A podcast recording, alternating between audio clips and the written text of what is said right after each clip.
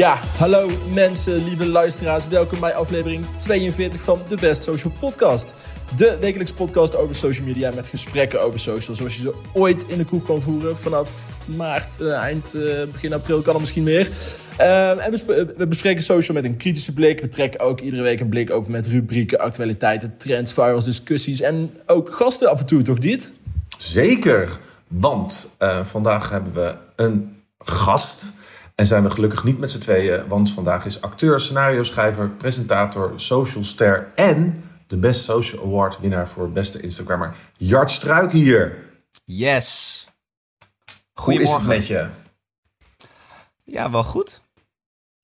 Ja, wel, Mooi. wel goed. Ik denk, eh, ik denk dat we allemaal een beetje uit een winterdip komen. Tenminste, ik kom wel uit een goede, goede winterdip. Dus eh, ik kijk er erg naar uit als de lente weer een beetje begonnen is. En je in ieder geval weer buiten kan zijn. Ja, Op het terras eh, social media gesprekken kan voeren, zoals eh Jasper Bijvoorbeeld, al eh ja. hint. eh, maar, maar, maar Ja. en heeft eh, de lockdown eh, plus covid plus winter eh, voor jou wel eh, voor een klein dipje gezorgd? Ja, ja niet, niet eh, qua werk. Dat is gelukkig voor een groot deel gewoon doorgegaan. Maar gewoon, ja, qua, qua vibe. Ja, het is een beetje verdrietig. Je zit gewoon heel veel op je, op je kamer. En ik heb hele leuke huisgenoten hoor, dat is het probleem niet. Maar ja, ik zou heel graag weer gewoon iets meer dingen doen. Dat vooral. Ja, begrijpelijk. Ja, het is gewoon echt. eh, je kunt tegenwoordig gewoon helemaal sentimenteel worden als je beelden ziet van festivals en weet ik het wat voor activiteiten buiten mogelijk. Ja, nee, dat herken ik wel. Dat herken ik wel. Ik ben vooral, Ehm. eh, heb ik heel erg zin om. eh, ik vind het vooral raar dat ik zin heb om jou in levende lijven weer te zien, Jasper, op kantoor. Ja. Ik, Ja, mis, raar, ja. mis, ik mis echt wel gewoon mijn collega's eh, zien. En werken op Ja. de werkvloer, zeg maar. Ik vind het hartstikke fijn om thuis te werken veel. Maar ik kijk er nu wel echt naar uit om weer eens gewoon eh, te werken. En zeg maar dynamiek te voelen qua werk. Dat je elkaar ook ziet en spreekt. En eh, in levende lijven. Dat je met meerdere mensen een soort van idee kan hebben. En daarover kan praten op een soort niet-Zoom manier. Dat vind ik echt... Daar snak ik naar. Meen ik Ja, echt. en, eh, en ook sommige collega's van de best social media die nog niet zo heel lang geleden zijn begonnen, die je dan eh, nog geen één keer in het echt hebt gezien, alle sollicitatierondes via Zoom en dadelijk, eh, nou heb je gewoon eh, ja, alle werkcommunicatie dagelijks met elkaar en dadelijk zie ik Luc voor het eerst op de werkvloer en ik van, oh, dus zo zie jij eruit eh, in het echt. Volgens mij werken er nu iets van 12 of 13 mensen bij de Best Social die ik nog nooit in het echt heb gezien. Ik vind dat echt surrealistisch. Ja, dat is bond. Dat is wel heel sick. Hebben jullie ook niet een, eh, gewoon één, één ronde dan fysiek gehad of zo? Ja, sommige mensen wel. gewoon. Dus vooral de mensen die die mensen dan bijvoorbeeld ingewerkt hebben. Eh, er zijn natuurlijk, er beginnen altijd in eh, dit seizoen veel stagiairs. Dus die hebben dan allemaal met de mensen die hun begeleiden wel één keer bijvoorbeeld afgesproken. Ehm, maar echt een, een boel heb ik er bijvoorbeeld dus nog nooit gezien. Dus dat gaat allemaal hopelijk komen vanaf april, mei, juni. Want het is wel echt, ja, ik ben daar wel een beetje klaar mee. Zeg maar dat elke keer mensen. Ik bedoel, het, het gaat veel beter dan je denkt, dat wel. Maar ik ben, ik ben echt wel klaar met het gewoon helemaal niet elkaar zien. Ja. Ja, en Jasper, kijk, daar had ik gewoon nooit van verwacht dat ik die weer überhaupt weer een keer in het echt zou willen zien. Ik dacht, die vent is al lang ontslagen tegen die tijd. ja, wanneer ga je weg?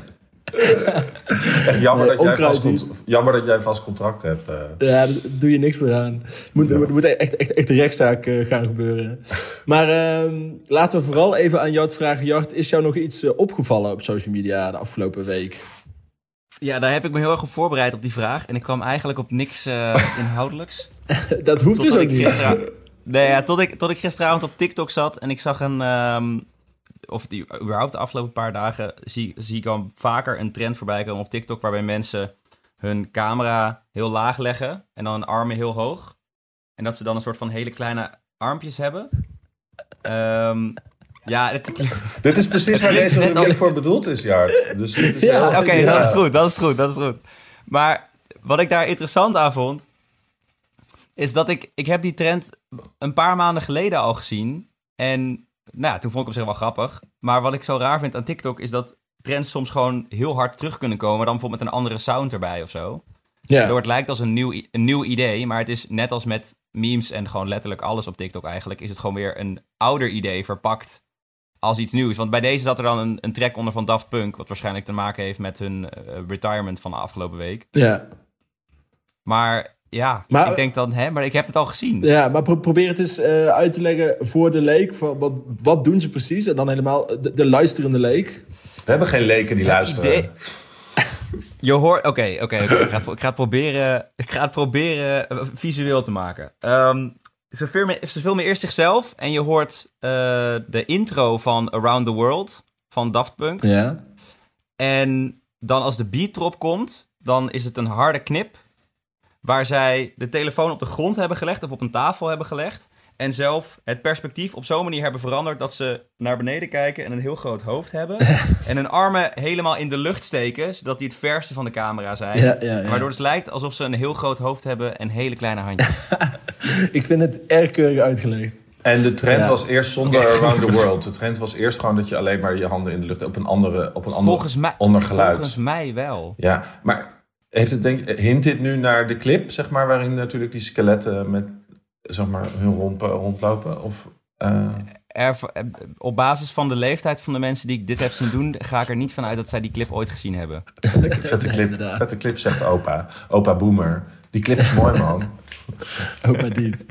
Ik eh, Ja. heb dat ook met die trend eh, met... ehm, ja, hoe omschrijven? Dit is echt... moeten we een aparte podcast over opnemen. TikToks omschrijven. Eh, die trend met... En dan slaan ze elke keer met hun hand op de camera. En daarna staan ze in een nieuwe look. En eh, eh, dat doen heel veel drags. Maar ook heel veel meisjes die goed kunnen make-uppen. Of mannen die goed kunnen make-uppen. Überhaupt veel mensen die dan opeens in een soort wow look daarna. Daar komen ook elke keer weer nieuwe versies van. Dan heb je nu heb je Ja. ook... eh, I'm, I'm so, in plaats van dat het dan tun, tun, tun, dat je er heel erg smashing uitziet, is het dan I'm so I'm fucking ugly, I'm still the same of zo. Die krijg je dan ook weer de hele tijd terug. Maar ik heb het idee dat die gewoon nu al een jaar of zo blijft loopen. Ik heb gewoon de hele tijd die trend en elke keer is die net iets anders. Dus eh, dat is wel volgens ik, mij ik, ik, ik, moet zelf, ja. ik moet zelf denken aan eh, Flip the Switch. Die deed dat ook al. Oh, ja. En ik vind, vind die, die, die van Emma Wortelboer met eh, Matthijs van Nieuwkerk... die vond ik echt iconisch. Die was echt eh, gruwelijk eh, vet dat hij daar opeens in haar jurk Maar loopt die nog door? eh, na die harde knip. Nee, nee totaal niet. Maar eh, inderdaad, dat die trend van die harde knip... en dan opeens een hele andere gedaante Ja, of ja. een eh, een verwisseling... dat die inderdaad wel Ja. heel eh, lang Heb jij dat al gedaan, Jart? Nee. Nee, ik hou niet, ik hou niet zo van meegaan met, eh, met trends in de social media wereld. Als ik het doe, dan, dan is het wel altijd met een twist. Of dat ik juist, Sarcastisch. Ironisch. ja, Ja. ironisch. Beetje, Ja. Het is een beetje cynisch. Ik heb er een keertje Maar- eentje opgenomen. Die heb ik daarna verwijderd. Ik had ook een ironische gemaakt. Eh, je hebt die trend dat ze zo... eh, eh, opeens kan iemand heel mooi zingen. Dan zit je in een auto en dan zit het naast een moeder die dan zo... of een vriendinnetje. En dan, gaat, en dan is dat liedje Somebody to help, somebody to... zoiets. Het is zo'n best wel dramatisch nummer. En dan gaat zo'n dude, zo'n Kane, Dinant Woesthoff-achtige stem opzetten. Zo. Dan nou, heel overdreven zingen. En dan gaan mensen daarnaast huilen van... Oh my god, ik wist niet dat je zo mooi kon zingen. Maar ja, ik, eh, het raakt mij niet echt. Eh, Ik dacht toen op een gegeven moment... Ik ga het voor mijn plant zingen, zeg maar. eh, ehm, en dus ook zo'n stem Dat opzetten. jouw want plat ik- ging huilen. ik kan dat ook heus wel, zo'n stem opzetten. Want iedereen kan wel gewoon zo'n stem opzetten en doen alsof ze heel mooi kunnen zingen. Nou, niet iedereen, maar ik bedoel, het is natuurlijk een beetje een trucje. Eh, maar dat kreeg geen likes eh, binnen drie uur of zo. Dus Genadeloos, TikTok. ik haat, haat TikTok dan echt. En toen heb ik het maar verwijderd, eh, helaas. Maar het was ironisch. Ja. Ja, het, het gaat ook om de poging, dude. Maar het is dan Ja, zo'n tekstje van... Oh my god, find out that my plant di- didn't realize how well I could sing. En dan... Ik had ook expres Engels hè, voor de internationale virale potentie. Slim, slim, Ja, heel slim. ja. Niet dus. Hey, ehm, eh, eh, aangezien niemand het mij gaat vragen, ga ik gewoon zelf vertellen wat mij opviel deze week. Wacht, wacht, wacht, doe nog een keer, doe nog een keer. Jasper, Ja, wat is ja. jou opgevallen afgelopen Nou, week? hier heb ik nog helemaal niet over nagedacht, maar leuk dat je het zegt. Ehm, ik ga toch even de, de, de Meghan en eh, Harry ophef bij Oprah erbij pakken. Ehm, want, eh, nou ja, natuurlijk heel internet ge geschokt, heel de wereld geschokt, Brits Koningshuis geschokt. Ik vind het gewoon heel erg fascinerend aan deze tijd dat gewoon bij de grootste schandalen en de grootste ophef dat er nou gewoon zo'n Uh, dat we daar de meme-cultuur langs hebben. Want het is heel erg natuurlijk uh, uh, de, het boekje wat Megan daar opendeed. En als dat ook daadwerkelijk zo gebeurt in Buckingham Palace. Maar ik heb zo hard zitten lachen om de Oprah-memes en, en alles, alle tweets die daaruit ja, zijn ontstaan. Dus het is heel erg. Maar dus ik zit echt te denken, het is zo leuk van, vind ik dan stiekem toch wel van deze tijd, dat zelfs de grootste schandalen en ophef en chockerende dingen dan toch uh, altijd gepaard gaan met de humor van het internet. Alsof, alsof de memes een beetje de digitale hieroglyphen zijn van deze tijd. Uh, die, die zelfs echt bij de grootste schandalen uh, opkomen. En ja, daarom heb ik dus bij zoiets shockings ook zo hard zitten lachen om de memes. En ik, ik vond dat heel tekenend voor deze tijd. En ja, daar werd ik gek genoeg een beetje, een beetje vrolijk van of zo. Ik vind dat jullie me nou heel raar aankijken. ja, nee, ik hoopte dat Jart iets ging zeggen. Maar ik oh, dacht, ja, sorry. Ik dacht dat Jart iets wilde zeggen, maar toen dacht misschien wil Diederik iets zeggen. Maar volgens mij wil Jart iets zeggen. Ja, dat dacht ik ook. Nee, uh, ja, wat, ik, wat ik zelf heel interessant daaraan vind, is dat het uh, nog verder bevestigt dat uh, comedy gewoon echt een, een coping mechanism is voor heel veel mensen. Um, en ze zeggen ook altijd, tragedie plus tijd is comedy of zoiets. Dat is een soort van comedy-regel. En nu gaat het tegenwoordig wel heel snel. Dat zeg maar op het moment dat iets vreselijks gebeurt, dat er binnen een kwartier memes van online staan. Daar, ja, dan denk ik wel eens, dit is wat mij betreft nog iets te vroeg. Um, maar wat jij ook zegt in die zin van, uh, van, van hieroglyphen of zo, het doet me een beetje denken aan hoe ik bij mijn geschiedenisexamen van die spotprenten over politiek moest ja. ontleden. En het zou me niks verbazen als dan over 10, 15 of 20 jaar dat je dan memes van Oprah moet ontleden die dan iets te maken hebben met dat, met dat interview, maar ook iets te maken hebben met, met de verkiezingen in Nederland op dat moment. En die eigenlijk helemaal niet met elkaar in verhouding staan. En dat het begin was van het einde van de monarchieën in Europa of zo, ja. Bij, ja, bijvoorbeeld, ja. ja. Weet je nog niet. Bizar. Maar volgens mij, uh, volgens mij is tegenwoordig in sommige studies al de, de lesstof best wel, uh, in, uh, best wel gewijd aan internetcultuur. Ik weet niet, onze stagiaire Anisha, uh, die, die we twee jaar terug hadden volgens mij, die vertelde al dat zij sommige vakken hadden waarin ze inderdaad volgens mij ook al echt de internetcultuur en de memes af en toe al erbij pakten. Dus ja, dat is, ik, ik, ik, zou wat dat betreft misschien wel vijf jaar later zijn gaan studeren dan dat ik zelf heb gedaan, wat dat betreft. Maar het is wel waar, wat je, want ik weet dat het is wel iets van alle tijden, dat er inderdaad met humor... ik, ik ehm, een vriendinnetje van mij uh, is uh, om het leven gekomen bij uh, een van de eerste zinloze geweld schietpartijen toen ik 16 was of zo. En ik weet dat echt dezelfde dag. Het ging toen over een. Het, het, zij was in een, in een bar dancing, dat heette Bacchus. En toen weet ik dat diezelfde dag was er meteen al een grapje zeg maar gaande. Maar hoe dat dan tot me is gekomen, niet via het internet. Maar Misschien zeiden mensen dat al, stond in de krant of zo. Nou ja, er was een grapje toen meteen al. Oh, uh, Bacchus heeft trouwens een nieuwe functie gekregen. Het is nu geen club meer, maar een schietcafé. En uh, toen weet ik dat ik daar echt heel erg van streek van was. Uh, maar ik kan me voorstellen dat het inderdaad ook een coping manier was... om met zo'n surrealistische situatie in Nederland... waarin mensen gewoon random op deuren van clubs aan het schieten waren... dat was toen zo surrealistisch. Ja. Dat je dan ook geen andere uitweg hebt dan door humor uh, in te brengen. Dus ik snap dat wel. Maar ik denk wel inderdaad dat het van alle tijden is. Maar dat nu het internet gewoon de perfecte virale plek is om dat te uiten. Ja, ja, zeker waar. Ja, en dat heeft natuurlijk ook alles mee te maken met, met hoe dichtbij het incident uh, bij jou persoonlijk staat of niet. Ja, want maar, ik vond het toen uh, walgelijk. Maar ik kan me voorstellen dat Megan ook nu denkt van... Mm, uh, niet zo'n zin in. Of Elizabeth nee. zo... Oh, weer, ja, weer een grapje over mij. Of dat... Ik zag een Get Out, die film Get Out vergelijking met Elizabeth denk ik dat ze, als zij dat ziet, zit ze misschien ook niet van: God, daar heb ik nu echt al uh, zin in. Uh, nu in nee, het midden van de commotie uh, op nu lachen, joh. Maar misschien kan ze over een jaartje kan, kan Harry er misschien zelf ook wel om lachen. Oh, ja, mijn pik. Leuk dat je er naar vraagt, Jasper. Ja. ja. Hey, echt heel sympathiek. ja, ik heb, ik heb iets wat eigenlijk een beetje... Het is niet iets nieuws, maar het is iets wat me deze week weer opviel. Ik uh, wilde mijn Instagram opruimen. En uh, ik vind Sims soms gewoon een beetje onprettig als ik te veel mensen volg. En dan komen er steeds meer dingen voorbij waarvan ik denk... Uh, uh, geen of deze mensen ken ik eigenlijk helemaal niet goed. En wat dan best wel helpt is dat ik dan soms... Het is echt al twee jaar of drie jaar geleden dat ik het voor het laatst gedaan heb... dat je dan zo'n appje hebt die voor je monitort van wie volgt jou überhaupt niet meer...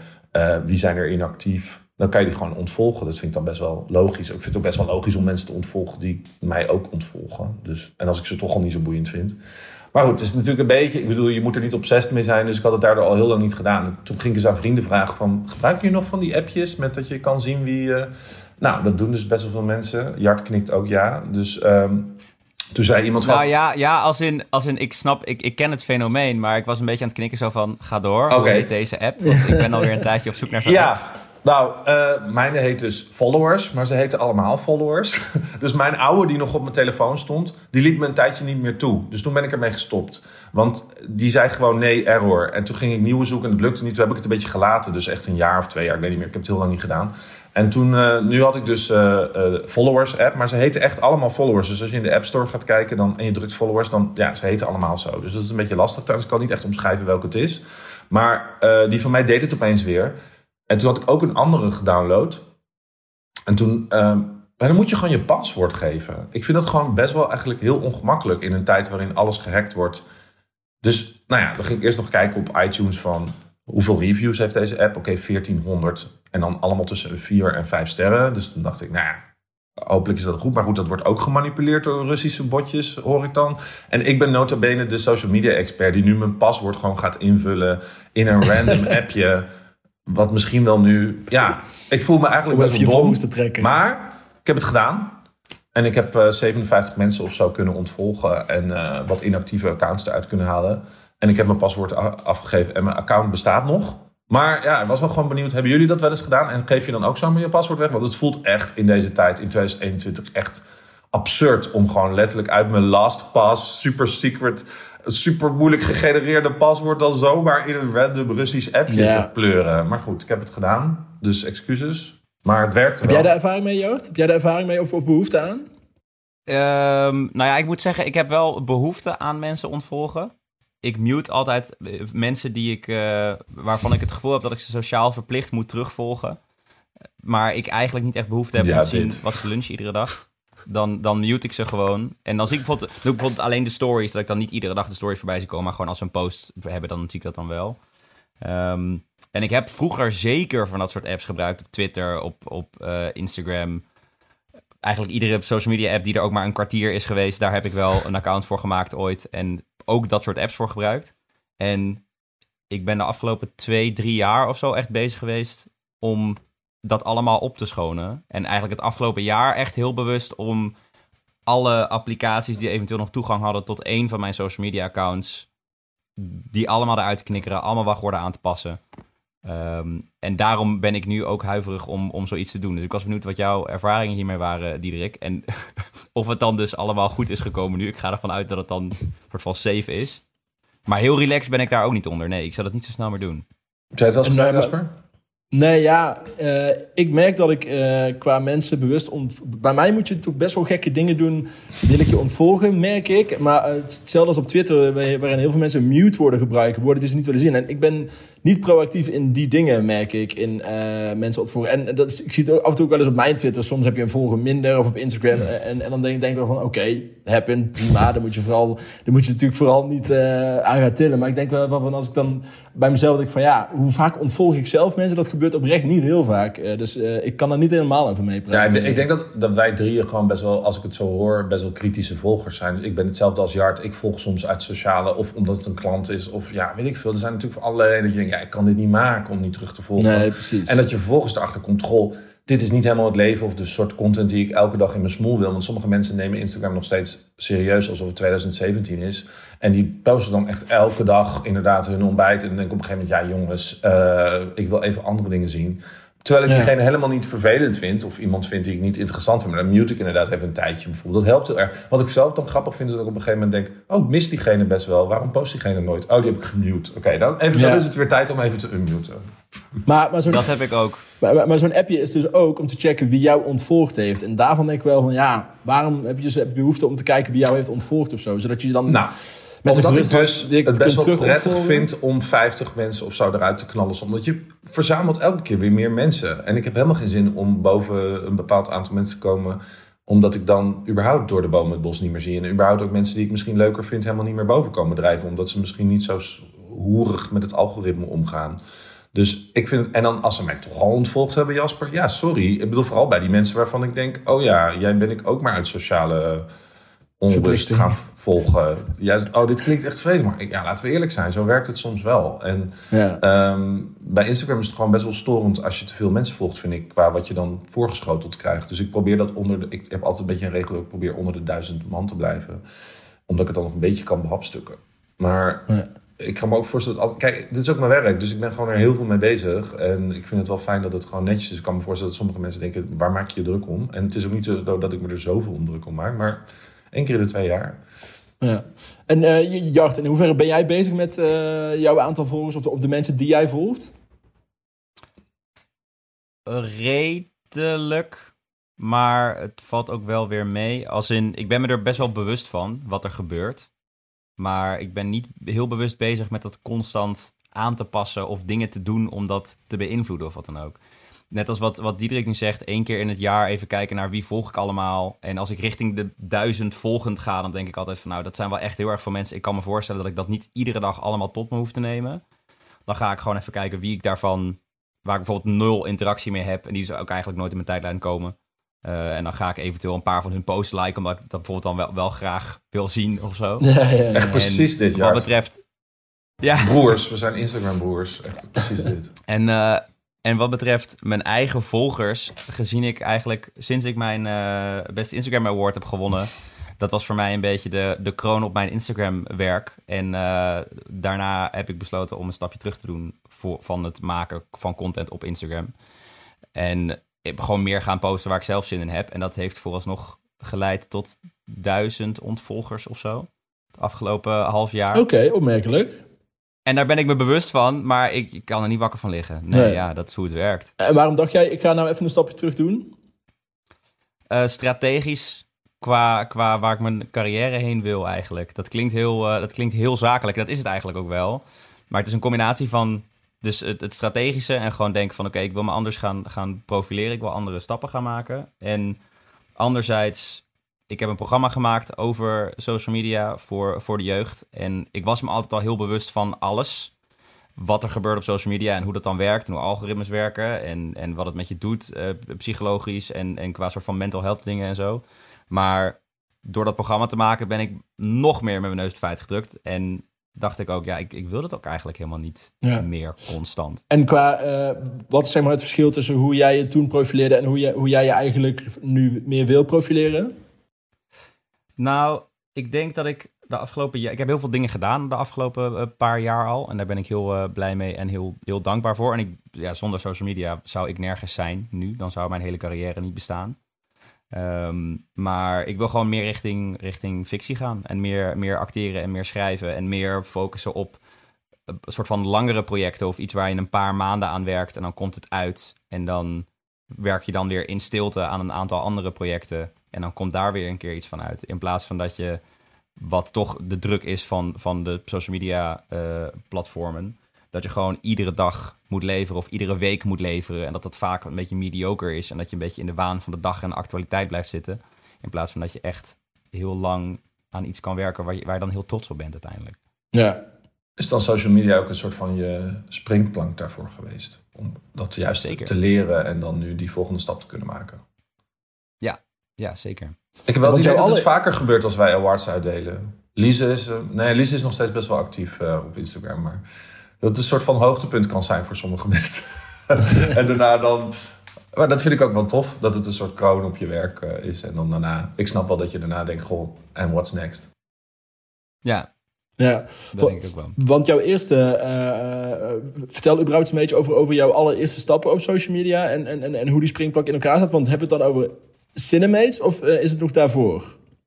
Nee, dan hebben, dan hebben we het wel over, over Cinemates. Kijk, daar, daarvoor waren dan eh, dingetjes die ik dan zelf probeerde. Ik heb ook zeg maar, een soort van meme Twitter-accounts gehad... die dan 100 volgers hadden en dat vond ik dan fantastisch.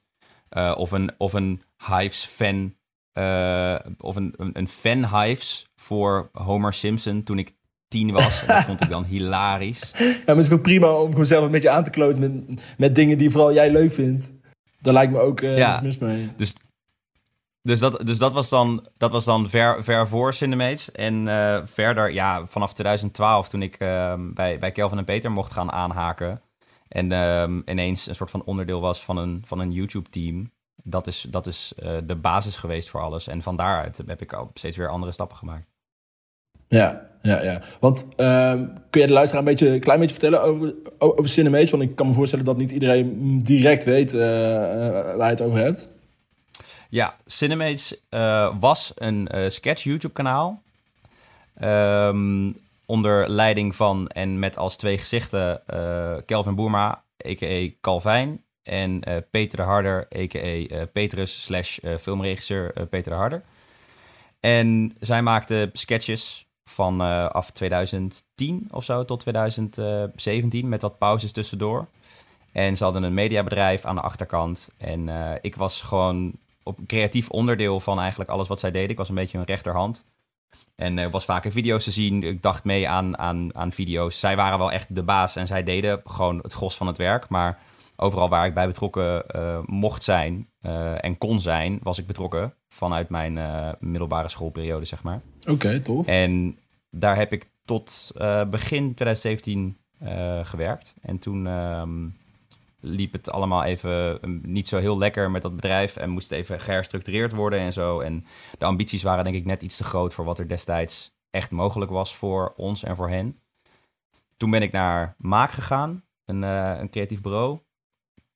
En heb ik daar parttime gewerkt voor bijna twee jaar en voor merken en zo allemaal werk gedaan. En campagnes bedacht en gewerkt aan mijn schrijfwerk en mijn copywriting en dat soort uh, dingetjes.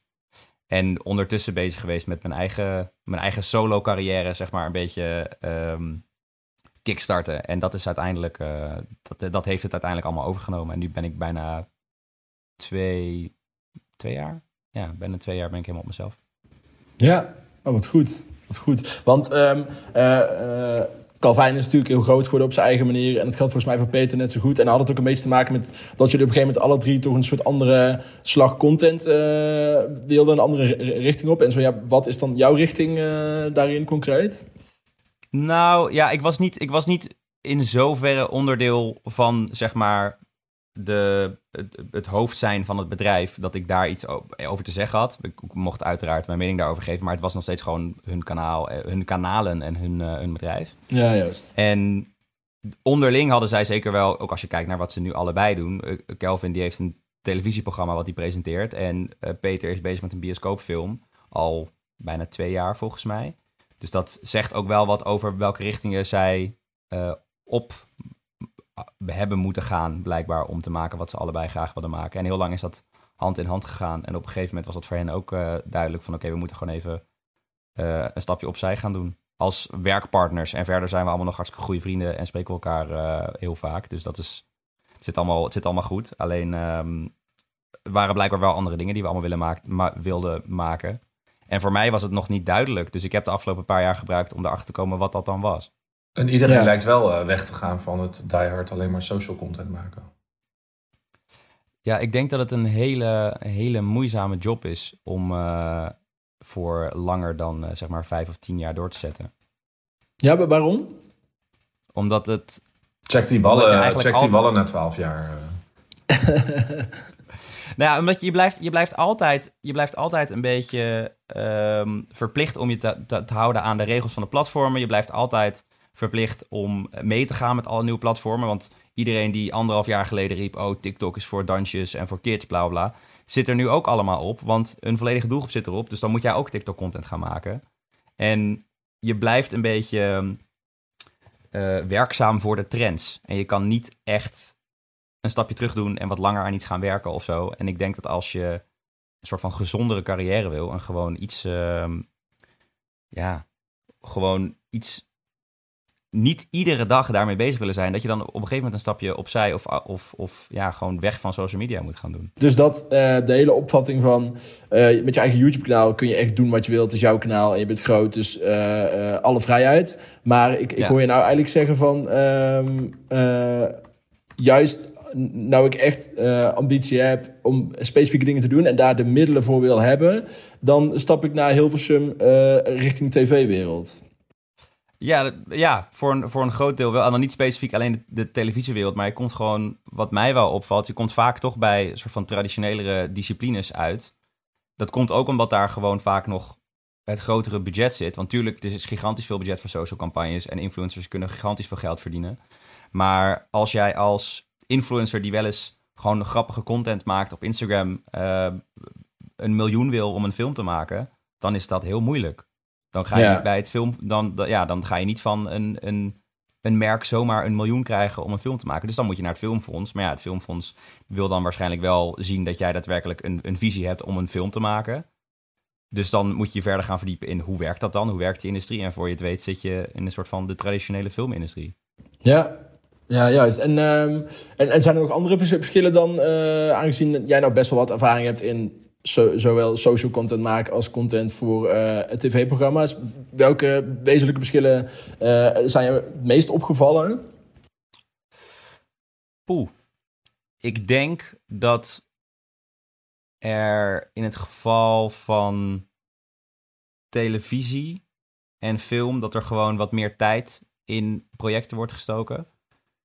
En wat meer brainpower aan de achterkant omdat de standaarden wat hoger zijn, heb ik het, heb ik het gevoel. Um, een programma als de Dikke Data Show, wat ik heb mogen maken voor NPO ZEP samen met de VPRO, daar werken aan de achterkant iets van vijf tot tien mensen voor. En stel, ik had zo'n programma willen maken op YouTube, dan had ik dat waarschijnlijk in mijn eentje gedaan met een cameraman en een editor. En ik denk wel dat het programma er beter door geworden is. Uh, dat, dat ik meer mensen had aan de achterkant om, om me daarbij te helpen. Of beter gezegd, die gewoon heel, een heel groot deel van het werk hebben gedaan om ervoor te zorgen dat het inhoudelijk allemaal klopte en dat we niet zomaar dingen vertelden die niet waar waren, et cetera. Ja, nee, dus ik kan me voorstellen dat van logische wijze heeft het werk wat je nu doet ook, brengt ook een druk met zich mee, maar misschien iets, iets gezondere druk dan als je het inderdaad dit allemaal nog uh, alleen op social zou doen. Ja, ja, ik denk het wel. En het, wat ik daar ook fijn aan vind, is dat het natuurlijk eh, ben je afhankelijk van, van cijfers en statistieken. Maar iets, ietsje minder. Ik denk dat, je, dat als iemand in je gelooft, in het geval van bijvoorbeeld eh, de, de televisiewereld of zo, dat je um, iets langer de tijd kan krijgen om jezelf te ontwikkelen. En bijvoorbeeld een eerste seizoen kan maken wat dan zeg maar het oké doet. En waar je normaal gesproken op je eigen kanaal zou zeggen van oké, te weinig views, we moeten doorpakken, we moeten iets anders gaan doen. Ja. Dat je bijvoorbeeld in de televisiewereld dan misschien nog de, de, het voordeel van de twijfel kan krijgen om nog een beetje door te ontwikkelen. En dan wordt het in het tweede seizoen ineens een gigantisch succes. Ja, dat, ja, heb je online iets minder. Ja, ja, ja. Want dit is wel interessant, want jij bent eigenlijk juist van meer tv-wereld naar social gegaan. Zeg ik dat goed? Ja, klopt. En, en, en hoe, hoe, hoe heb jij die hele overstap of uh, qua verschillen dan ervaren? Ja, Kijk, destijds was de scheidingslijn denk ik tussen uh, tv en social wel veel groter. En was social veel spannender en was tv aan het verouderen en werd er minder in geloofd. En nu zie je dat het toch ook meer... Als je nu iets voor tv maakt, dan heeft het ook een groot digitaal component. En wordt het teruggekeken en kan je het streamen. En kijken ook jongeren het eventueel, als het voor jongeren is... omdat uh, dat wel meer zeg maar, hetzelfde wordt. Maar destijds had ik het gevoel dat ik in een soort dode hoek zat. Waar alleen maar mensen zaten die niet op mijn zelfde golflengte zaten. Die vooral echt alles super nerveus werden van alles wat digitaal was. En alles weg wilden bezuinigen eigenlijk wat digitaal was. En daar de verdienmodellen niet op snapten. En er niet in geloofden. En de allermeest potentiële... Als je echt, echt maar eh, potentieel had, dan moest je naar tv. Terwijl ik, ik vond de interactiviteit spannend. En ik vond het leuk dat, je, dat alles kon en dat alles viraal kon gaan en dat het alle kanten op kon gaan. En dat vond ik veel spannender en dat is veel meer hoe, wie ik ben en waar ik zelf in opgegroeid ben. Namelijk, ik zit vanaf mijn uh, dertiende of veertiende op het internet en vond dat spannend. En niet uh, de zoveelste Zembla of uh, reality show van Patty Bart. Daar dacht ik wel over, ja, god, uh, dat gaat gewoon een hele andere vorm krijgen in de toekomst. En ook als ik Jart nu hoor spreken, denk ik wel het is denk ik nu wel een goede tijd voor de creators die uit die tijd zijn opgekomen om zeg maar nog beter te leren om, nou ja, gewoon wat Jart doet eigenlijk. Dat snap ik helemaal. Alleen ik denk wel dat er een tijd komt dat social zo dominant is dat het allemaal toch meer hybride door elkaar heen loopt en dat er ook meer potentie op social is en dat dat, ja, dat gaat nog een hele, we staan toch nog aan de, in de kinderschoenen, denk ik. Weet je, het is pas tien jaar gaande. Dat is kort voor een, uh, voor een medium. Dus ik, ik ja. Ik, vind het nog steeds heel erg spannend. Ik vind vooral de tijd waarin we nu leven heel spannend. Waarin social weer een soort nieuwe energie krijgt. En uh, ook met de komst van nieuwe platformen, maar ook livestreaming, AR, VR. Uh, en, en, en juist ook je integratie van televisieprogramma's met social, met livestreaming. Uh, zoals Big Brother bijvoorbeeld nu. Ik denk dat het grootste deel van de mensen dat via Videoland volgen of via stream. Of zelfs, zoals ik bijvoorbeeld, voornamelijk via social volgen. En eigenlijk alleen maar een beetje kijken naar de recaps op Instagram. En eigenlijk helemaal niet die, die 45 of uur durende show verder helemaal hoeft te kijken. En Ehm, ja, dus het is een beetje. Zo kijk ik ernaar.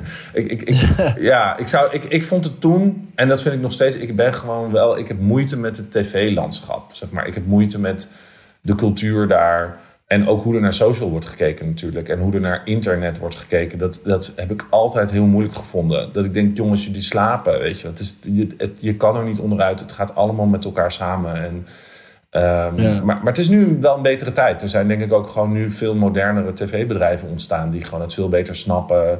Het meenemen in hun strategieën, et cetera. Dus ik zou nu wel voor een tv-bedrijf weer kunnen werken. Ja. Dat weet ik wel. Ja, kijk, wij werken ook nog steeds natuurlijk. Ik bedoel, ik werk nog steeds volop in de tv- en filmindustrie. En dat bevalt me heel goed. En bijvoorbeeld hè, het feit dat er zoveel streaming is. Of dat wij voor Netflix werken bijvoorbeeld is gewoon omdat dat eh, veel betere vorm nu te pakken heeft. Waar ik, waarin ik me veel beter voel. Dus ik zou, ik zou zo voor Netflix kunnen werken. En ik denk zelfs wel weer gewoon voor Animal of RTL zoals vroeger. Maar het is een andere tijd nu. Ja, maar het is wel interessant. Want eh, ik denk dat wij misschien twee of drie jaar geleden... Uh, dan zouden we sneller roepen van nou, de tv gaat ontzettend uitsterven. Uh, Want ze kunnen de opkomst van social media niet aan. Maar het, nu uh, denk ik wel dat je op die woorden terug moet komen. En, en dat je eigenlijk de houdbaarheid van tv. Ja, oh, oh, zie jij dat niet zo dan? Nee, ik, ik heb nog steeds dat, we richting het einde en de dood van tv. Nee hoor, ik denk dat we de vorm van tv, die nu lineair weer populair is door corona en door thuiszitten, dat die weer een kleine opleving krijgt. Maar de cijfers waren natuurlijk gênant in 2019. Ik bedoel, het ging echt nergens meer over. Goede tijd, slecht tijd dat nog. Uh, drie kijkers over of zo. En die zijn nu weer een beetje gestegen. En ook de talkshows. Trust me, daar gaan mensen niet meer naar kijken als ze niet meer thuis zitten. Dat, dat wordt toch weer gewoon bejaarden die daarnaar gaan kijken. En we gaan echt niet, mensen zoals Jart, jij en ik, gaan niet naar Jinek kijken volgend jaar. Dat gaan we gewoon niet doen. Dat gaat een andere vorm krijgen. En ik denk wel dat de tv waarover jij het hebt, is nog steeds stervende. Alleen het krijgt andere vormen, et cetera. En er komen andere formats en we gaan streamen en we gaan meer naar Videoland en naar Netflix en naar andere streamingdiensten. Maar de vorm van lineair tv kijken, wat nu inderdaad weer in een soort piek zit, dat komt volgens mij, maar correct me if I'm wrong, door de pandemie. En door de ja, avondklok. En door het samen willen zijn. En een soort van. En ik denk dat dat gewoon weer richting de trend 2018, 19 wat echt dramatisch toen was. Er waren gewoon bijna geen programma's die over het miljoen heen gingen qua kijkers. Ja, oké, maar wacht, eh, wacht. Oh. De, grootste, de grootste insider momenteel is Jart zelf, want die acteert in Spangas. Dus ik ben eigenlijk heel benieuwd hoe jij dan kijkt naar de toekomst van tv. En normaal, jij bent degene die er nou juist middenin zit. Uh, ik denk dat ik me redelijk kan aansluiten bij wat, uh, wat, wat Diederik zegt. Kijk, wat ik net, net zei met betrekking tot de mogelijkheden die je, die je krijgt door met een groter uh, traditionele bedrijf te werken. Um, dat is op dit moment gewoon een hele fijne situatie. Maar er gaat natuurlijk een moment komen dat de budgetten voor online aanzienlijk groter worden dan die voor lineaire televisie. Of dat het gewoon echt volledig samensmelt en dat er geen, geen scheiding meer is. Dus ja, wat, ik, wat mijn mening daar, daar nu over zal heel anders zijn dan mijn mening over drie of vier jaar. Verder, er is natuurlijk wel best wel een verschil tussen fictie op televisie en non-fictie op televisie. Ik denk dat actualiteit en dan non-fictie uh, in de zin van een, een Jinek, een, uh, een nieuwszenders en zo, dat dat soort dingen wel gewoon blijven in een, in een bepaald soort vorm. Maar uh, ik weet in ieder geval dat bijvoorbeeld Spangas en de kijkcijfers daarvan, daarom worden de, de terugkijkcijfers ook heel erg meegenomen. En de, en de streamingcijfers, volgens mij. Hoe is die verdeling nu, weet je dat? Geen idee. Echt niet? Weet ik niet. Dat je daar niet wakker van ligt? Nee. Oh, dat vind ik wel leuk. Nee, ik, lig daar, ik, ik lig daar niet wakker van. Het lijkt me niet dat jacht degene moet zijn die daar eventueel wakker van ligt. Nou, wakker niet, maar ik bedoel, je, ja, ik neem aan dat je vroeger, als je met Cinebeest bezig was, keek ook naar je aantal views keek op YouTube. Dus dat je in Spangas speelt, zou je toch ook willen weten hoeveel mensen daar naar kijken. Ja, maar ik heb dus ook wel. Ik denk dat mijn, mijn soort van persoonlijke groei daar in de afgelopen paar jaar ook wel is geweest dat ik, dat ik me daar wat minder druk om maak. Ook mede omdat ik in ieder geval voor een deel mijn geld kan verdienen zonder extreem druk te hoeven maken over uh, cijfertjes of likes op een Instagram post. Heb je daar zelf ook coaching in gehad? Of ben je enorm aan het mediteren geslagen? Maar wat zijn een beetje, uh, hoe, uh, hoe ben je daar qua mindset in veranderd? Is dat door de switch qua werk? Weet weet, ik niet. Ik denk, ik denk sowieso een stapje uit die wereld kunnen doen. En, en dus ik, ik ging uh, 2000, begin 2019 ging ik weg bij Maak, waar ik dus nog veel, veel dingen deed met influencers en, uh, en campagnes voor merken en zo. En dus ook heel veel percentages in uh, presentaties moest laten zien aan klanten en allerlei cijfertjes. En oh, dit zijn de, de KPI's, bla bla bla. Toen ben ik een half jaar lang gaan acteren en eigenlijk niet echt bezig geweest met andere dingen, waardoor ik ineens een soort van een veel, veel um, ja, meer, meer helikopterview beeld kon krijgen van die wereld. En ook wat vind ik daar zelf eigenlijk van. En toen dacht ik, maar ik wil eigenlijk helemaal niet iedere dag bezig zijn met die cijfers en volgers. Ik word er helemaal niet gelukkig van. Ik vind het veel vetter om gewoon iets te maken. En er dan alles aan te doen dat zoveel mogelijk mensen dat zien. En dat het succesvol is. Ik bedoel, ik wil zeker social media gebruiken als uh, tool in die zin. Maar niet als einddoel. Nee, want, uh, want je zegt van ja, toen ben ik even gaan acteren. Maar, maar hoe is überhaupt het hele acteren op je, op je pad gekomen dan? En, uh, zoals Pangras. En, uh, en, en, en, ook vakkenvullers, als ik me, als ik me niet vergis. Ja. ja. Nou, het, het is eigenlijk niet per se op mijn pad gekomen. Het is altijd onderdeel geweest van mijn pad. Want de dingen die we maakten bij Cinemees, dat werd altijd gezien als vlogs. Geen idee waarom, want mensen kenden toen de terminologie al helemaal niet. Dat waren gewoon sketches. Dat waren gewoon filmische korte filmpjes, sketches. We draaiden, we filmden zoals je hoort te filmen in fictie. Ja. Maar dan op YouTube. En um, dat heb ik altijd gewoon uh, door kunnen zetten, aangezien we daarmee, uh, ja, we, we, maakten daar content mee. Daarnaast ook uiteraard non-fictie dingen en de dingen die ik maakte met Kelvin voor op zijn kanaal en zo. Dat was dan wel echt gewoon echt YouTube content. Um, ik heb op de middelbare school heb ik het vak drama gevolgd, heb ik ook examen ingedaan. En uiteindelijk had ik wel ergens als einddoel acteur worden. Maar ja, hoe moet dat in godsnaam als iedereen ziet als vlogger? dat, wist ik, dat wist ik op dat moment ook niet. En naarmate ik meer van die wereld begon te begrijpen en heel veel podcasts luisterde en boeken ging lezen en met mensen praten waarvan ik dan wist, oké, die hebben een rolletje in iets gekregen. De, ja, naarmate ik daar meer over begon te leren, probeerde ik me meer in die wereld te krijgen. En dat begon met één rolletje omdat uh, Talicia van, van A Million Faces iets in mij zag. En dat werd toen een ander rolletje. En dat werd toen weer een ander rolletje. En toen kreeg ik een hoofdrol in Spangas. Wat een super grote stap was voor mij op dat moment. En ja, zo is dat, zo is dat een beetje gelopen. Ja, is goed. Ja. Talicia is ook al de, de ultieme link tussen natuurlijk Spangas en uh, uh, mensen van social spotten, denk ik. ik vind het echt, Zeker. echt bizar wat zij überhaupt heeft opgebouwd. Maar uh, tof. Heel tof, ja. Ik zit nog met één en, voorbeeld in mijn hoofd wat ik nog wilde noemen als toffe toekomstvisioenen. Is bijvoorbeeld hoe Anne Plus het vergaan is qua content. Uh, dat je Zeker. van YouTube-serie naar NPO-serie, naar webserie, naar Netflix-serie, naar oh, Netflix-film. En opeens internationaal overal. Ik denk dat dat de toekomst is. En uh, ja. dat dat tekenen zijn ook natuurlijk de, de carrière van Stuk TV. Um, het, zijn, het lijken nu een soort van kleine voorbeelden, maar ik denk wel dat dat de mediatrend gaat zijn. En dat het daarom niet zoveel uitmaakt of je in social of in. Uh, alleen het zijn inderdaad de geldstromen en waar lopen de geldstromen. En wat Jart heel terecht zei over waar, uh, hoe veranderen de budgetten. En vind, ik, moest ook, ik vond het ook heel ergelijk toen je het zei, omdat ik ook dacht: fuck, dat hoor ik al twaalf jaar. Dat is echt maar echt exact toen ik bij mijn Endemol-baan begon, 13, 13 jaar of 14 jaar geleden was dat de antwoord, het antwoord? Ja, de budgetten gaan later veranderen en dan komt er meer naar online. En later, toen ik voor films ging werken, ja, het is jammer dat je nu maar een klein campagne kan doen, want over een tijdje of over een paar jaar, dan zijn alle budgetten alleen maar digitaal en alleen maar online. En nu zeg jij het nog steeds. Dan denk ik, oké, okay, uh, Geduld houden, Ik ben, nog, ik, ben nog, ik ben nog heel jong en idealistisch, hè? Ooit, ooit gaan we er komen. Ja, maar het gebeurt natuurlijk. Het gebeurt heus wel. Ik bedoel, eh, op grote schaal ook. En het zijn, het zijn ook soms...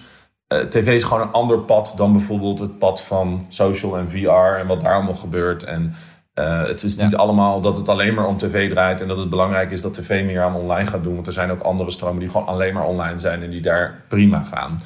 Eh, kijk maar naar gewoon de grote techbedrijven, et cetera. Dus, maar het is, ja, het is gewoon, ik vind dat nog steeds een spannende tijd dat zoiets als Anne Plus gebeurt. En dat nu heel de wereld daarnaar kijkt en kan kijken. En dat er een film komt en dat het allemaal gefinancierd is. En dat ze zo'n mooie grote campagne vanuit Netflix krijgen. En ja, het is gewoon fantastisch dat dat vanuit toch wel met een online hart geboren is als webserie. En eh, Ja. dat moet voor jou ook exciting zijn. Ik bedoel, dat is gewoon super cool dat die tijd er nu is.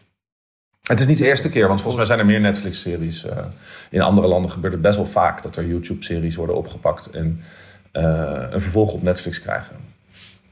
Ik heb dat eerlijk gezegd nog niet gezien. Ja, misschien is het omdat het best wel vaak LGBT-dingen zijn, die misschien überhaupt vaak in de marge beginnen of uit zichzelf beginnen en dan later. Kijk, Netflix vindt dat ook belangrijk natuurlijk en er is niet veel content en het wordt vanuit de traditionele media niet zomaar allemaal gemaakt. Dus het is misschien ook wel daardoor, maar ik ken wel veel voorbeelden die daarin natuurlijk gewoon super succesvol zijn. Hey Jart, ehm, eh, om, toch even dan terug te komen op eh, eh, dat je vorig jaar beste Instagrammer won. Ehm, kijk je nog wel genoeg op Instagram om te denken, nou, ik zou die dit jaar wel een terechte genomineerde vinden? Of, of, of zijn er nog mensen op Instagram, creatievelingen, die jou inspireren? Ik ga nu meteen even kijken. Er zijn, altijd, er zijn altijd mensen die me inspireren. Er zijn altijd mensen die ik tof vind. Ehm, hij zat laatst al bij jullie in de, in de podcast. Maar ik wil bij deze eventjes heel veel liefde uitspreken naar Martin Mantel. Ja, ja. Ik ken, ik ken Martin inmiddels al best wel lang. Al een jaar of al best wel lang voor mijn doen. Hè? Ik woon vijf jaar in Amsterdam. Ik ken hem vier of vijf jaar. Dus dat is voor mij, voor mijn doen is dat heel lang. Maar ja, heel, eh, ik vind wat hij nu maakt heel erg interessant. Heel grappig, heel scherp. ja Even ik- kijken. ik oh, vind- ja? sorry. Nee, ja, ik, was, ik, ik, had- meteen, ik had meteen weer een idee. Maar zeg even wat je wil zeggen. Nee, ik, ik wil alleen maar beamen hoor. En, en, wij kennen Marten ook omdat hij ook... eh, hij, hij is ook een collega van ons. Hij doet freelancing voor Ja. de social natuurlijk. Maar ik, ik geniet ook. En ik vind... Ik, ik, vind eh, ik, ik ben zelf ook heel erg... eh, ik hou heel erg van tekst. En ik schrijf zelf ook heel erg graag. En ik vind hem... ik vind het bij hem om te zien af en toe inspirerend en ontmoedigend tegelijk. Hoe scherp hij is. En in, in hoe korte zinnen hij, hij, hij zulke scherpe, grappige dingen kwijt kan. Waar dan ook nog weer een dubbele boodschap in zit. Eh, maar eh, vertel vooral verder. Want eh, je kreeg een opwelling. Ja, aan en matig vind ik Oh, ja. heel goed. Ja, klopt. Hij is, hij is of was optieven met eenden, toch? Ja, nou, en dat is wel een grappig verhaal. Want eh, dat was dus bij onze awards. Toen was hij dus met Optieven met 1 was hij genomineerd.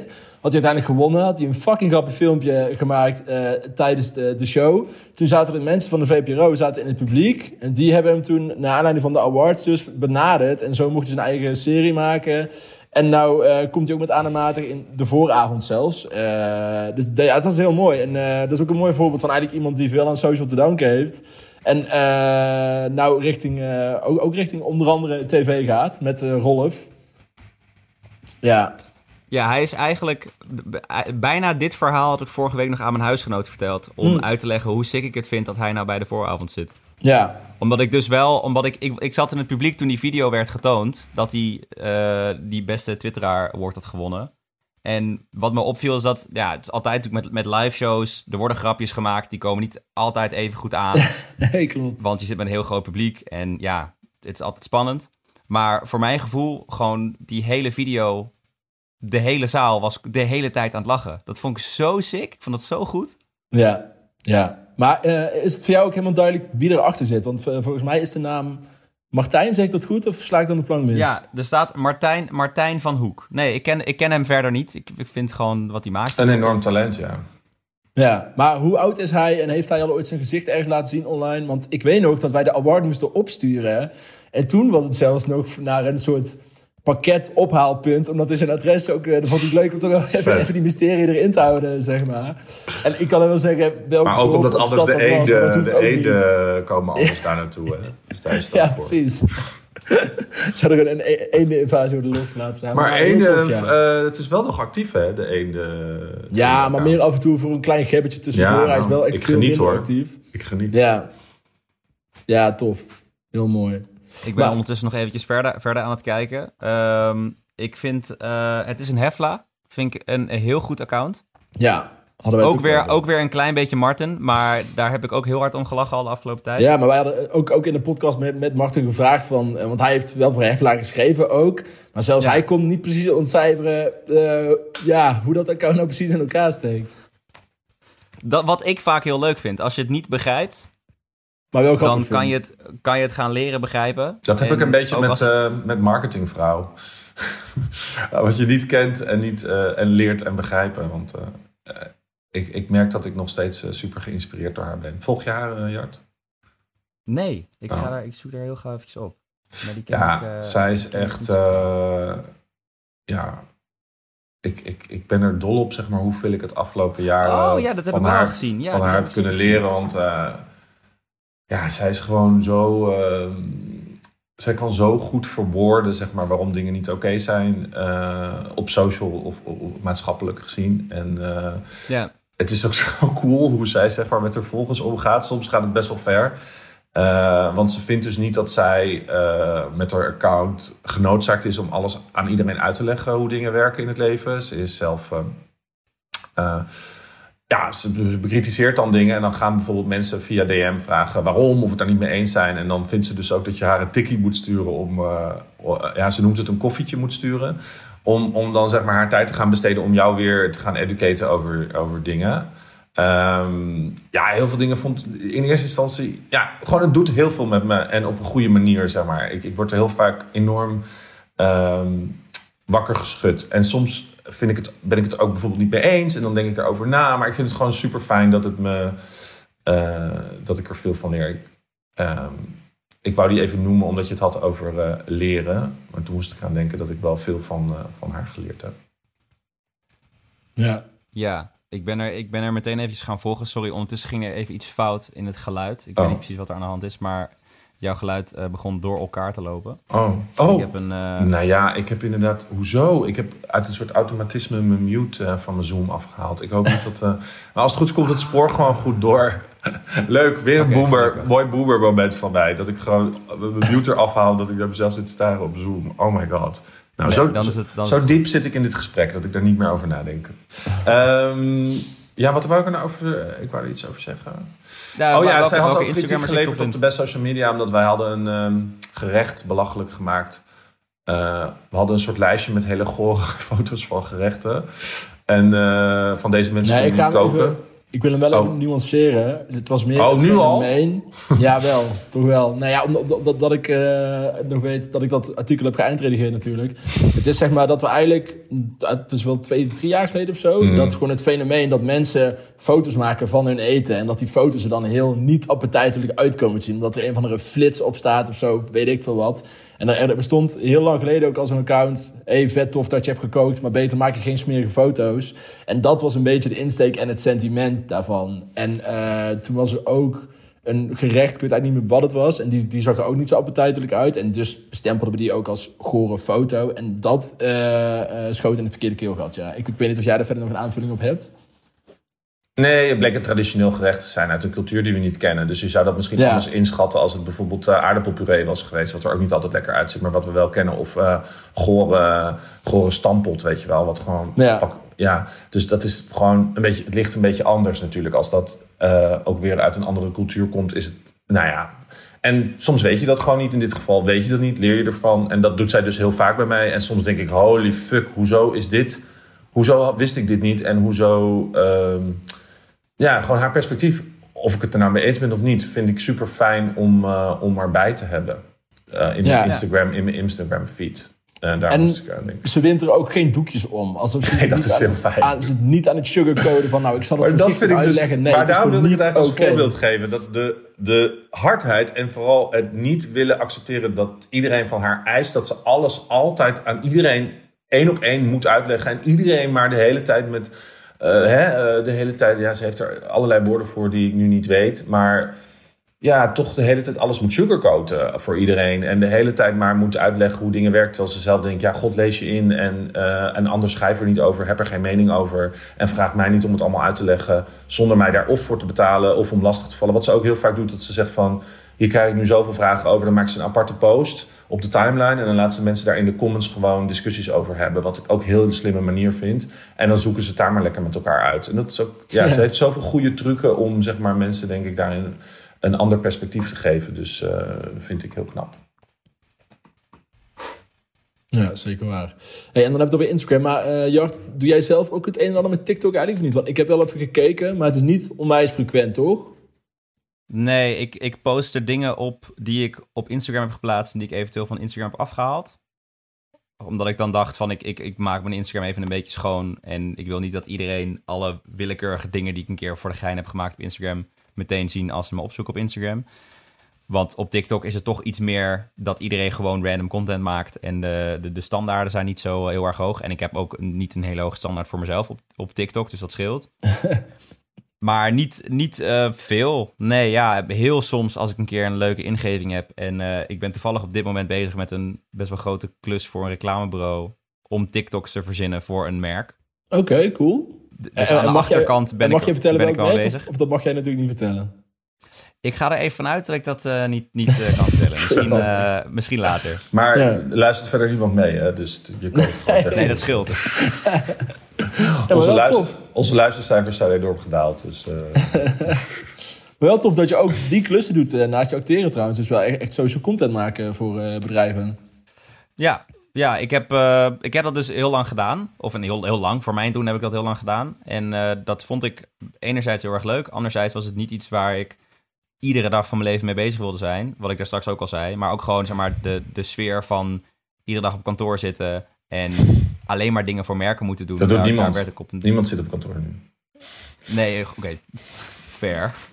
maar gewoon de hele tijd dingen voor merken doen. Dat vond ik als dagelijkse bezigheid niet heel erg leuk. Maar ik vind het zeker af en toe, af en toe leuk om uh, een interessante case op me te pakken of zo. Dat vind ik gewoon wel, wel leuk om te doen. Heb je wel eens aan gedacht om voor ons te werken? Kom maar met een voorstel. nou. hey, en uh, heb je een voorbeeld van merken die je sterk vindt in Nederland op social? Dat vind ik ook wel interessant om jou te vragen dan. Uh, ik heb... Even denken... Ik vind het heel interessant wat uh, Bol de afgelopen jaren heeft uh, durven doen.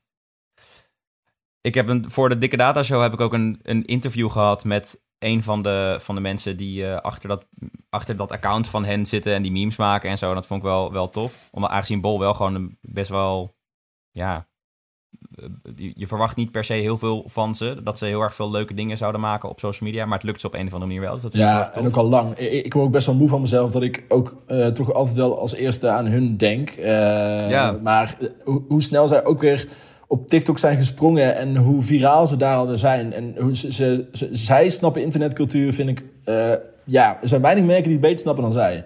En ja. ik, ik word er een beetje moe van dat ik het blijf zeggen, maar dat is wel echt zo, ja. Ik word ook dus dat vind ik heel erg tof.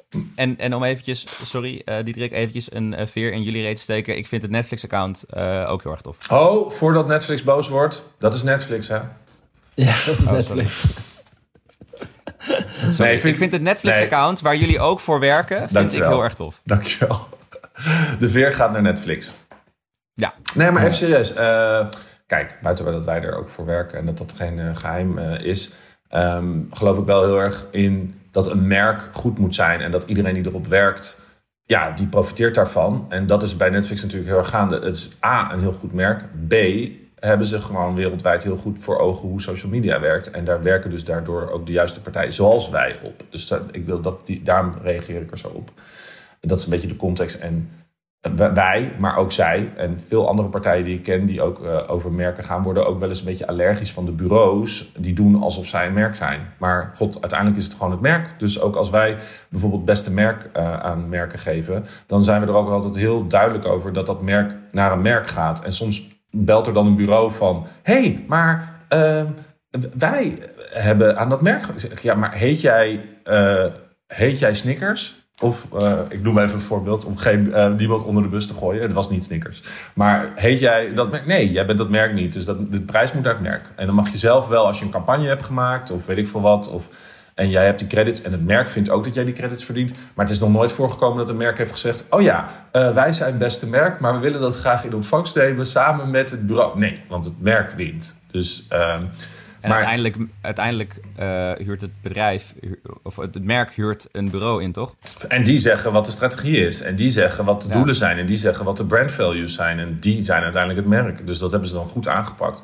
Desalniettemin zijn er fantastische bureaus in Nederland die fantastisch werk doen voor alle merken. En dat weet denk ik iedereen ook wel. En daar zijn wij er misschien dan uh, op het gebied van Netflix één van. Maar ja, uh, zo werkt het natuurlijk. Uh, vond het wel grappig ja. trouwens. Ik vroeg aan uh, Ron Simpson wat hij de beste merken op, op social vond. En die noemde alleen maar bureaus. Wat ik best wel grappig vond. En ik weet helemaal niet of hij dat ah. zelf door had. Maar het was ook wel terecht. Want er zijn momenteel gewoon hele coole, nieuwe, frisse bureaus gaande. Dus dat is ook wel weer waar. Hey, heb je nog andere merken in je achterhoofd? Nee, niet per se. Wat ik, wat ik qua PR en gewoon dingen die ik dan randomly voorbij zie komen Bijvoorbeeld Febo vind ik tof. Maar sowieso de dingen die... Ja, gewoon de, de, de, dingen die Natwerk doet, vind ik in het algemeen ja. gewoon heel erg tof. Dat is eigenlijk, denk ik... Ja, wie zijn nou gisteren? Omroep, zei, zei Tim Omroep Zwart gisteren, volgens mij. Toen dacht ik wel, ja, die hebben het wel gewoon super... Ja, of super, ook rond. super slimme klopt, social, ja. social camp. Ah, hij zei het ook, rond. Omroep Zwart ook heel goed, zeker. Ja, kijk, Ja.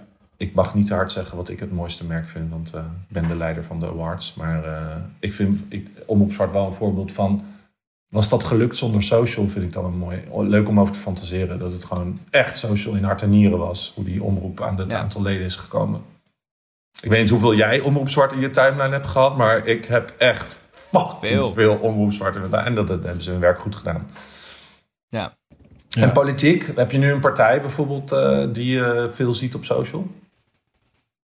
Nee, ja, eigenlijk alle grote partijen.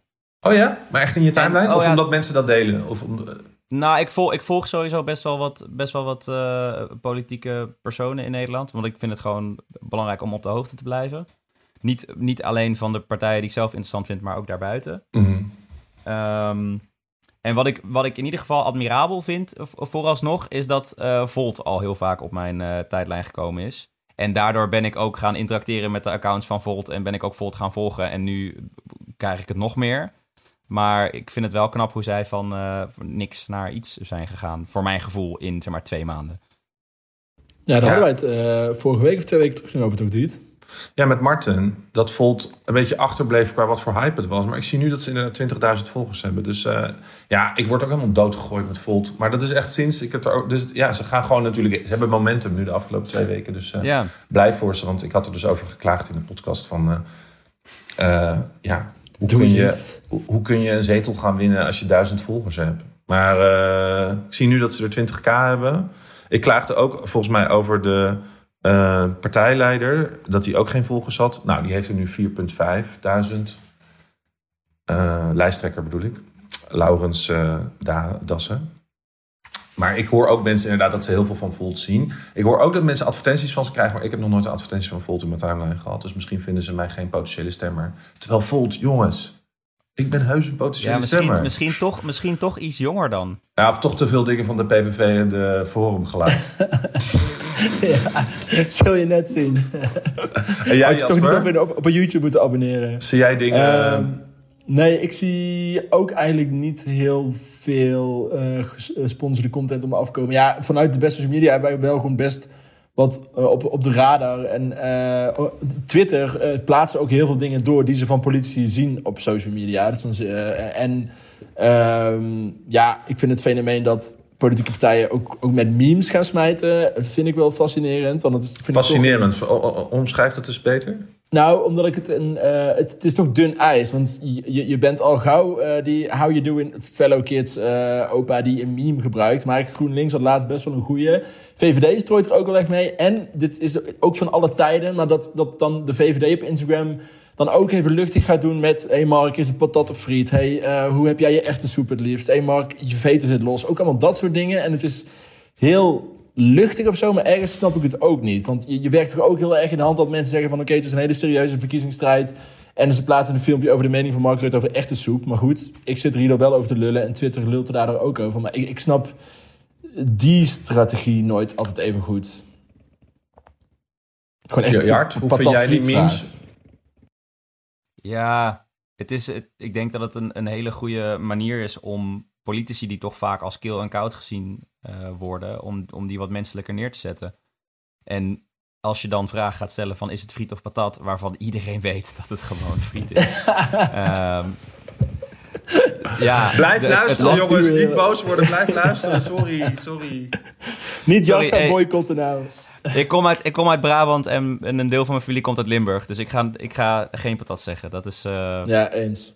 En, en waar uit Brabant eh, precies? Want eh, ik, volgens, ik, volgens- kom uit, ik kom uit Sonnenbreugel. Ah, oké. Ja, ik, kom, ik weet niet of je het misschien kent. Ik kom uit Hees, dat ligt onder Os. Ja, van, ja, van naam. Ja, Ja. De, de snelweg. Ja, precies. Grappig. Maar ehm, laten we trouwens ook even niet vergeten, nou, wat meer dan ooit opvalt, hoe actief TikTokkers zijn. Eh, gewoon de jeugd op TikTok over eh, politiek. Ik zie zoveel politieke TikToks voorbij komen van de jeugd die zelf zegt waarom ik dit stem, waarom ik dat stem, waarom dit toxic is. En dit is, de, dit is het partijprogramma van de PVV. En eh Iel, kijk dit. De jeugd mengt zich zo erg door TikTok, ook in de verkiezingen. Dat is echt bizar. Ik denk daarom ook echt dat, eh, dat bijvoorbeeld Volt en eh Bijeen en zo echt wel die zetels gaan pakken. Ik denk dat het gewoon gaat gebeuren, want het is dit jaar gewoon best wel... Het voelt een beetje revolutionair.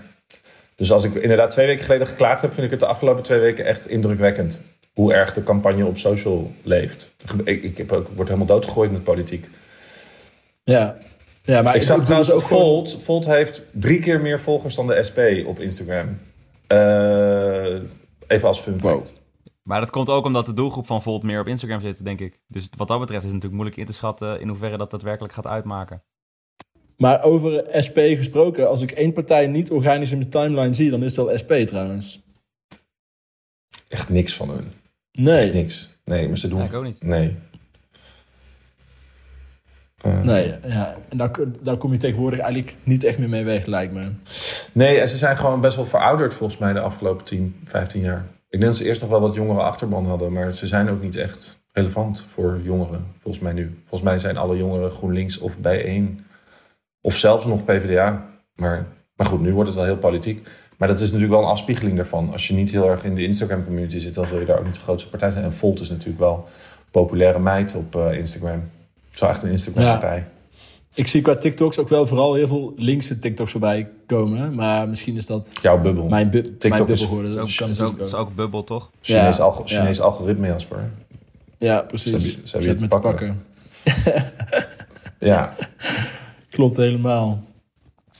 Eh, Hey Jasper, ik zou ja. nog heel eh, lang met Jart eh, willen kletsen, maar we hebben nog rubrieken. eh, dus we moeten volgens mij even door. Ik kan het zeggen. Gooi, gooi ze erin. Ondertussen zijn mijn AirPods zijn bijna leeg. Oké, kijk. Nou, dan, dan zijn we echt, eh, dan hebben we echt prima ons best gedaan. eh, Ja, de luisteraar denkt ook, die haakt nu ook af. Die zeggen ook eh, klaar bij Oh nee, nou komen, nou komen de rubrieken. die linkse, linkse eikels. Ja. Even kijken. Nou, ehm, ja, ik ga gewoon wel meteen naar het social dilemma dan, Diet. Is goed. We, we, we schotelen iedere week het social dilemma voor je uit. Vorige week was het... eh, voor iedere notificatie die je, eh, voor iedere eh, telefoonnotificatie krijg je een sprietje onkruid in je tuin. Of je mag alleen social media checken tijdens het poepen. Nou, ehm 65% koos dan toch voor social media checken tijdens het poepen en minder onkruid. Ehm, dan is het social dilemma van de. Ja, zeker, zeker, zeker, zeker. Het moet niet alleen maar over politiek gaan, hè. Dan het social dilemma van deze week. En uh, Jart mag hem als eerst beantwoorden. Je moet iedere keer dat je TikTok opent op je For You blijven tot je iemand van 90 tegenkomt. Of je moet tot je 90ste elke dag een TikTok uploaden. Oh my god. Dit is Ik- verschrikkelijk. Ik herhaal het nog even voor je. Je moet dus iedere keer dat je TikTok opent op For You page blijven tot je iemand van 90 tegenkomt. Of tot je 90ste elke dag zelf een TikTok uploaden. Ja, dan ga ik denk ik voor het, eh, voor het iemand van 90 tegenkomen op je For You page. Eh, Ja. Ik, ook. Ja, maar ik zit te denken, waar ben je meer tijd aan kwijt? Nee, dat ga je vinden, joh. Er zit echt wel Ja, iemand met... Oh my god, my dag. grandmother. eh, bla- ja, maar dan, ja, dan open ik toch gewoon TikTok niet meer.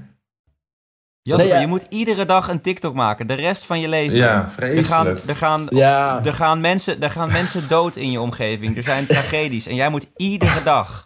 Ja, maar jij- Ja, maar hey, Jart, jij bent een goede contentmaker. Vooruitwerken, hè? Vooruitwerken. Ja. Al heel veel Maak- dansjes ja, maar maken. op een gegeven moment... Op een gegeven moment dan ben je zo careless, dan, dan, dan, dan, dan, film je je mandarijnenschil en dan gooi je het online. En dan denk Maar nee, weet je wat ik zou doen? Ik zou tien keer een seconde filmen en dan gewoon elke dag één seconde mandarijnschil uploaden. Doei. Ja, oké, oké. Ja, Als dat regels, als, dat, als je dat meeneemt in de regels, Vooruitwerken. als zoiets zou mogen, dan kan dat. Er lijkt lijkt me geen ook standaard leuk. te zijn voor je content. Over twintig jaar, als TikTok zeg maar het nieuwe Facebook is, of tien jaar, vijf jaar, I don't know. Dan moet jij nog de hele dag door uploaden. Ja. Wel echt niemand meer op TikTok. Het is dan niet eens Nee, meer een app, het is een soort virtual reality situatie. Waar je dan toch nog TikToks op moet uploaden. Ja, Vreselijk. uiteindelijk, uh, uiteindelijk beland bij Hart van Nederland als de, als de oudste Nederlandse uh, nog actief op TikTok. Hart van Nederland, wat dan alleen nog maar uitgezonden wordt via Twitch. uiteraard, uiteraard. Nou, blij dat we dit dilemma uit de wereld hebben geholpen.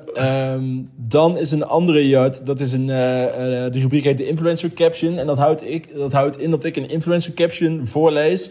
En je moet in de wilde weg raden van wie die is. Dus het is eigenlijk gewoon een rubriek die je alleen maar fout kunt hebben.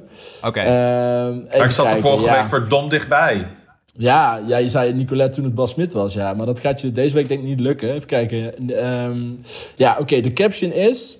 My baby patiently waiting to go out again. En daar moet je het mee doen. Ik ga voor... Niemand minder dan... En ik ben heel hard iemand aan het verzinnen nu. Dan ga ik eerst. Oké. Okay. Monica Geuze. Ik noteer hem. Shit. Dan ga, dan ga ik voor Eva Jinek. Kijk, Leuk, waarom hè? ook niet Eva Jinek? Maar echt Eva of de correcte Eva Jinek? De echte. Ja, oké. Okay. Ik zal het uh, vermelden. Het is Vidya Soraya. En oh, ik moet zeggen wat... dat... Ja, ja, kom Jasper. Hoe kon je die niet weten? Ja, uh, deze is met heel veel uh, nauwkeurigheid uh, in samenspraak met lieftallige Nina samengesteld. Dus hiermee moeten jullie doen. En het Hoeveel is een likes foto heeft van, die afbeelding? Uh, 1100. En het is een foto van ja. haar tas.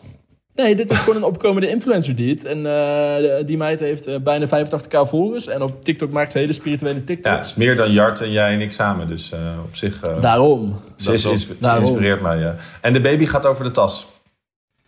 Uh, ja, baby gaat over de tas die weer een keer uh, mee wil worden genomen. nou, ja, ik ben blij dat... Ja, ja nee. Voor de mensen die Jarts gezicht niet kunnen zien, dan kun je op YouTube uh, opzoeken. Is zo, want uh, mocht je willen weten hoe Jart er überhaupt bij zit... of, of mijn hooikortsgezicht al voorbij is... dan kan je deze aflevering ook checken op YouTube... met ondertiteling door onze partner Triple Eight. Uh, nou, de Influencer Caption rubriek heeft zijn naam weer eer aangedaan. Dat is perfect. Uh, dan gaan wij nog even naar de boodschap van de luisteraars... want die hebben wij wel degelijk binnengekregen. Boodschap! Um, te beginnen met iemand die uh, podcastlover 94 op iTunes... die uh, vindt het een superleuke crossover met de eeuw... en die is erg blij met een nieuw seizoen. Um, en toen was daar ook... Uh, trouwe, fijne vent, trouwe luisteraar... en die denkt, waarom zou ik er één reviewen... als ik er ook drie kan reviewen? Oh my nou, te beginnen de podcast met Envy Peru... Super goede flow met de gast. Een belangrijk onderwerp wat niet al te betuttelend wordt besproken. Waarbij je als cis straight denkt, gaan we weer over die LGBT+. Druk leggen op iedereen. Maar het was een heel natuurlijk gesprek. Fijn om te luisteren. Enfin, gaan we naar de Maxima uh, parodie aflevering. Jammer dat het hoofdonderwerp er zelf niet bij is, maar dat is in de context meer dan logisch. De verhalen en vraagstellingen voelden heel vloeiend. Het was niet alleen van vraag naar vraag. Bijzondere inzichten in het leven achter zo'n parodie-account. En de derde wordt Martin nog even beoordeeld. Ik vond de podcast wat hak... Ja, onze mantel. Ik vond de podcast een beetje hakkelig. Uh, iets meer stiltes die gelukkig door de keer anderhalf snelheid wel iets verwaterd werden. Martin is een hele interessante kerel, maar hij kwam een beetje droog over. Daardoor voelde het misschien ietsje langer. Nou ja, ook uh, gewoon eerlijk en ongefilterd. En ik ga natuurlijk niet alleen zijn lyrische dingen voorlezen... en dan zijn lichte kritische laten voor wat het is. Maar uh, bedankt voor de drie hey, en wat, uh, Jart, wat denk je dat Auke over jou zou zeggen? Over deze podcast? Ja, wie is dit? Het is Onze een- vaste is een- luisteraar. een vaste Nee, luisteraar. nee, nee, nee. Ik denk dat ik denk dat, dat de, de, de reactie is. van Auke. Nee, dat denk ik Wie niet. is deze guy? Nee, Auke snapt onze uitnodigingsbeleid volgens mij wel. Zeker. Oké, zeker. dan eh Auke, groetjes thuis. Precies.